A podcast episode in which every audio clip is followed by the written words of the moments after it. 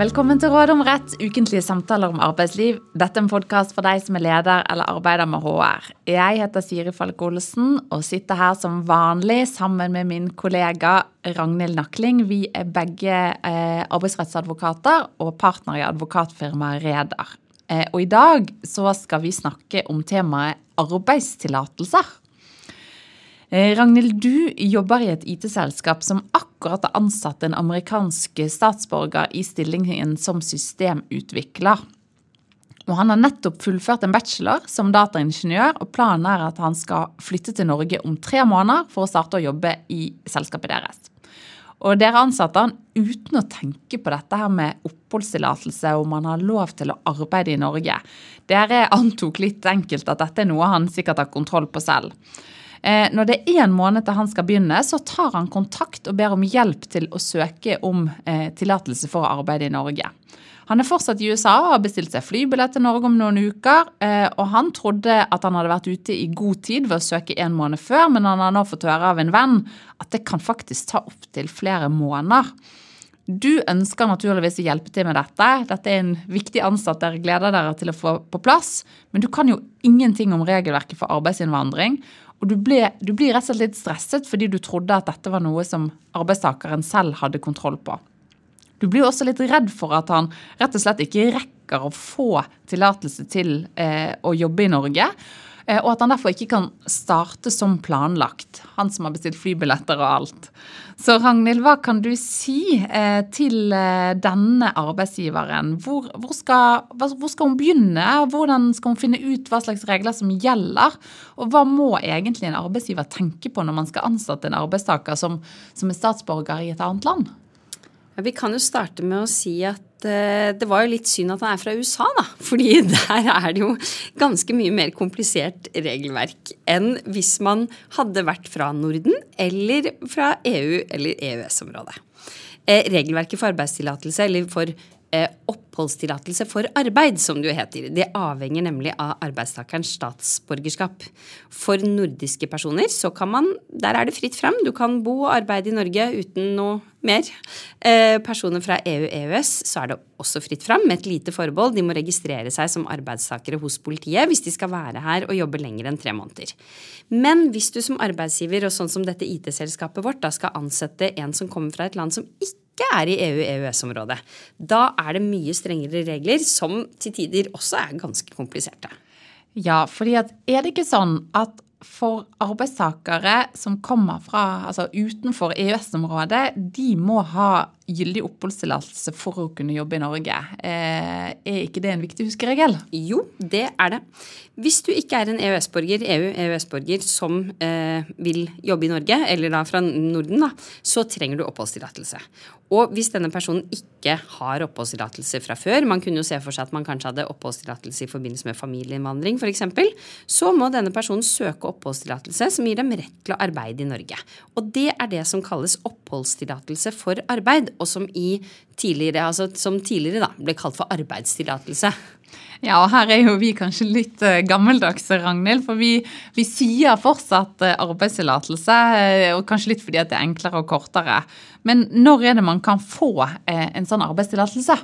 Ja, Det, det fins mange ulike typer. I hovedsak så kan man dele det opp i to forskjellige arbeidstillatelser. Én eh, for faglærte, én for sesongarbeid. Så fins det også mange andre ordninger. Det kan være for ansatte i humanitære, ideelle, religiøse organisasjoner, musikere, artister og kunstnere som skal etablere, altså etablere eller mer riktig sagt formidle, da, kultur. Eh, forskere. Og det er bare noen eksempler på alle de arbeidstillatelsene som finnes. Og i tillegg så er det faktisk ulike vilkår for hver type arbeidstillatelse. Ja, og vi kan jo ikke gå inn på alle formene for arbeidstillatelser i dag, for da hadde vi holdt på, på i mange timer. Men, men, det viktigste å si det er vel at det er en god del vilkår som må være oppfylt for at arbeidstakere kan komme og jobbe i Norge. Og at det er greit å ha det i bakhodet som arbeidsgiver hvis man skal ansette noen som kommer eh, utenfra EØS-området. Ja, og så er det jo greit å si også at det fins en del unntak da, fra dette kravet om oppholdstillatelse også.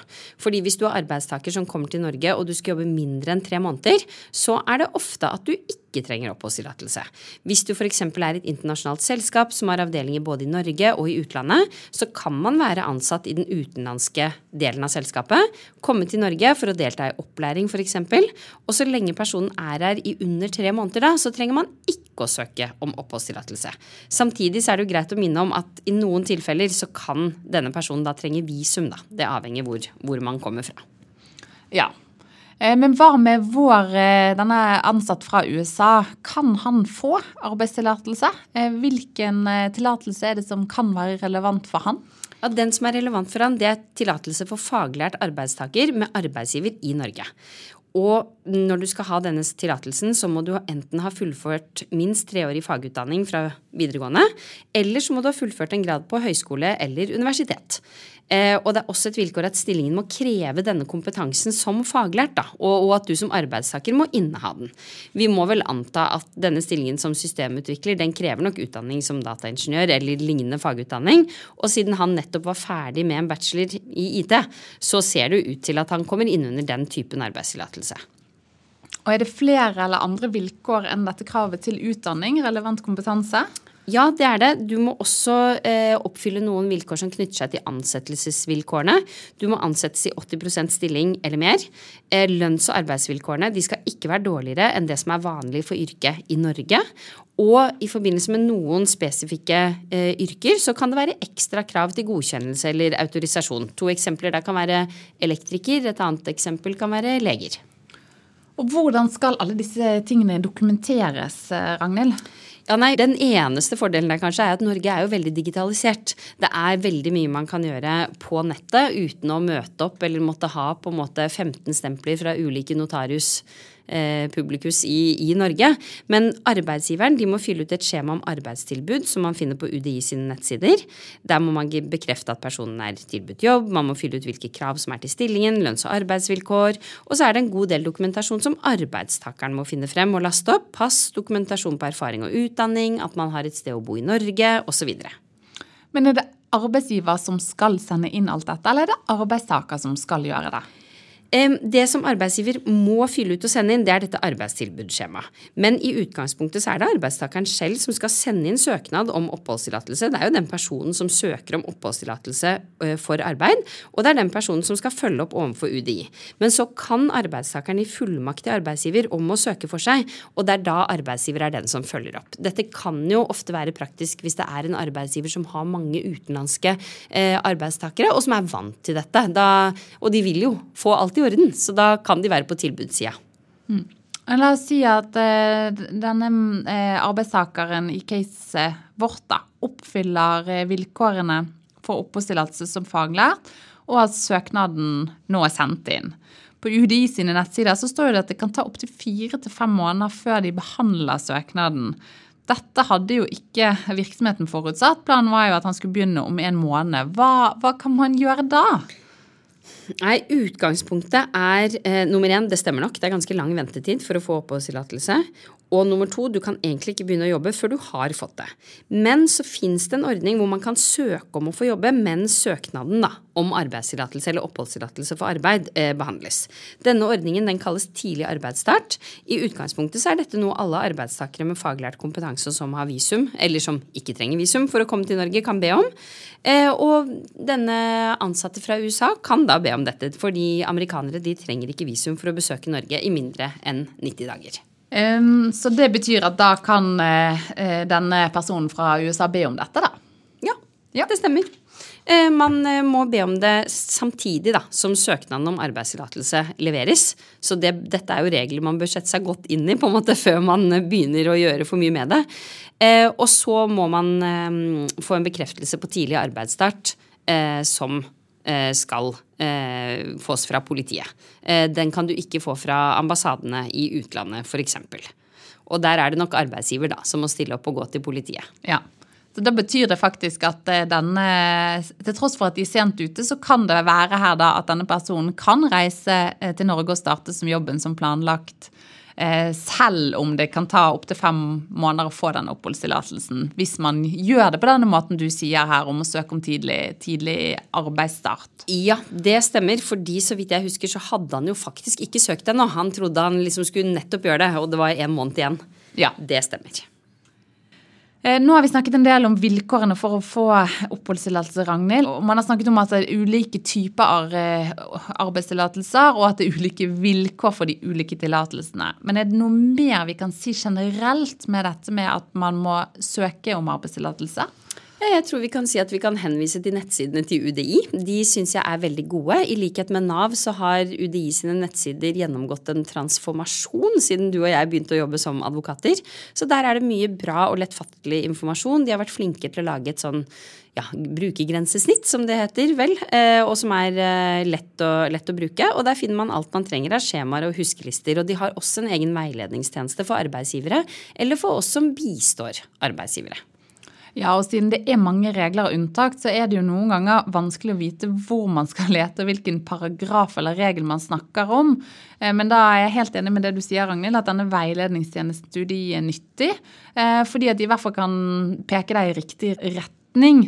Eh, men ellers på dette temaet om oppholdstillatelse, Ragnhild, det kan jo kanskje også være greit å si noe om arbeidsgivers ansvar når det gjelder det å passe på at arbeidstakere har tillatelse til å jobbe i Norge. Det er et viktig punkt. Hva kan du si om det?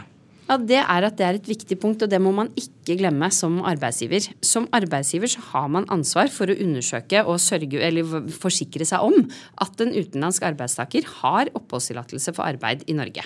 Det er jo flere lovverk som kommer inn her, bl.a. utlendingsloven. og Der står det at en arbeidsgiver som uaktsomt ansetter eller har en ansatt uten nødvendig arbeids- eller oppholdstillatelse, kan straffes med bøter eller fengsel. Og selv om denne straffebestemmelsen den er jo primært rettet mot arbeidsgivere som, som vil bryte loven, da, som systematisk utnytter billig arbeidskraft uten nødvendige tillatelser. Men den vil også komme til anvendelse om det er en, hva skal vi si, en respektert og ordentlig arbeidsgiver, men som ikke har gjort jobben sin da, med å følge med på om dette er på plass. Og Kan ikke du si noe mer om det ansvaret? Hvor, hvor, hvor, mye må en arbeidsgiver eh, gjøre, og hva kan skje hvis man ikke har eh, undersøkt dette før man, før man eh, ansetter noen eh, som kommer fra et annet land? Ja, det er, det er, mange dommer å ta her, og noen av de kanskje mest kjente er vel der hvor arbeidsgiver mer systematisk har brutt disse reglene. Vi husker kanskje Lime-saken, eh, andre litt sånn større saker. Men eh, Høyesterett avsa en ny dom i april 2021, rundt ett og et halvt år siden. Og da ble et selskap idømt 30 000 kroner i bot fordi de hadde brutt denne bestemmelsen i utlendingsloven. Der var det en daglig leder som ikke hadde gyldig oppholds- eller arbeidstillatelse da han ble ansatt. Han hadde informert styreleder om at han hadde arbeidstillatelse. Han var registrert i A-registeret, han hadde skattekort. Men Høyesterett mente likevel der at styreleder hadde handlet uaktsomt, siden han ikke hadde undersøkt aktivt selv om mannen hadde, virkelig hadde arbeidstillatelse. Så aktsomhetskravet det er høyt for selskaper som har ansatt utenlandske arbeidstakere. Ja, det er jo ganske strengt. For her eh, vil vel kanskje mange tenke at de hadde grunn til å stole på at det denne arbeidstakeren sa var riktig. Mm. Eh, og dommen er vel ganske sånn prinsipiell med tanke på liksom skyldkravet for foretaksstraff også. Eh, vil du si noe om det, Ragnhild? Ja, altså foretaksstraff det er jo straff som kan ilegges selskapet. Når et straffebud overtrås av noen som handler på deres vegne, på virksomhetens vegne, ofte styre, daglig leder, men også ansatte. Og det har jo vært ganske omstridt om sant, kan man ilegge straff uten subjektiv skyld. Objektivt straffansvar. Men der, og der sier dommen fra Høyesterett at et sånt objektivt ansvar det er i strid med den europeiske menneskerettighetskonvensjonen. Og at det ikke kan idømmes foretaksstraff på objektivt grunnlag. Der, der avklarer Høyesterett deretter hva som ligger i skyldkravet etter denne relevante bestemmelsen i utlendingsloven, eh, og konkluderer med at det er nok da at den som handler på vegne av selskapet, i denne saken så var det som jeg nevnte styreleder, har utvist vanlig uaktsomhet. Man trenger ikke grov uaktsomhet. Eh, og, men man må jo da ha en form for skyld. Eh, og som nevnt i sted, så, så, anså man jo at denne styrelederen hadde da handlet uaktsomt. Så selv om det ikke er et objektivt ansvar, så er det likevel ganske strengt når man ser eh, hva dette selskapet ble dømt for, da.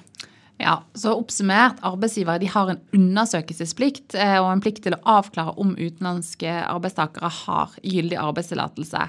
Eh, og et brudd på denne plikten det vil kunne føre til foretaksstraff og bøter for selskapet. Så hva tenker du, Ragnhild, hva kan man gjøre for å havne i slike situasjoner som i denne dommen? Ja, nei, vi er jo glad i rutiner, vi, da. Som gjør at man på en måte kan, når det er relevant, eh, sjekke statsborgerskap og oppholdstillatelse eh, i forbindelse med ansettelser. Og så blir det en konkret vurdering når man i så fall må gjøre det. For å avslutte, Ragnhild. Hva er de tre viktigste tingene vi har snakket om i dag? Hva vil du trekke fram? Ja, det ene er at det å ansette noen fra Norden og EØS, det er ganske enkelt. Det å ansette, eller EU-EØS, det å ansette noen utenfra, det krever oppholdstillatelse og kan være litt mer komplisert. Betyr selvfølgelig ikke at man ikke skal gjøre det, men bare være oppmerksom på det. Nummer to så er det at UDI har mye nyttig informasjon på nettsidene sine. Sjekk der. Og det tredje det er at arbeidsgivere som eh, har utenlandske ansatte, de må sørge for å vite at de ansatte har eh, oppholdstillatelse. Det er ditt ansvar som arbeidsgiver. Det var det vi hadde. Vi kommer tilbake med nytt tema og nye tips i neste episode.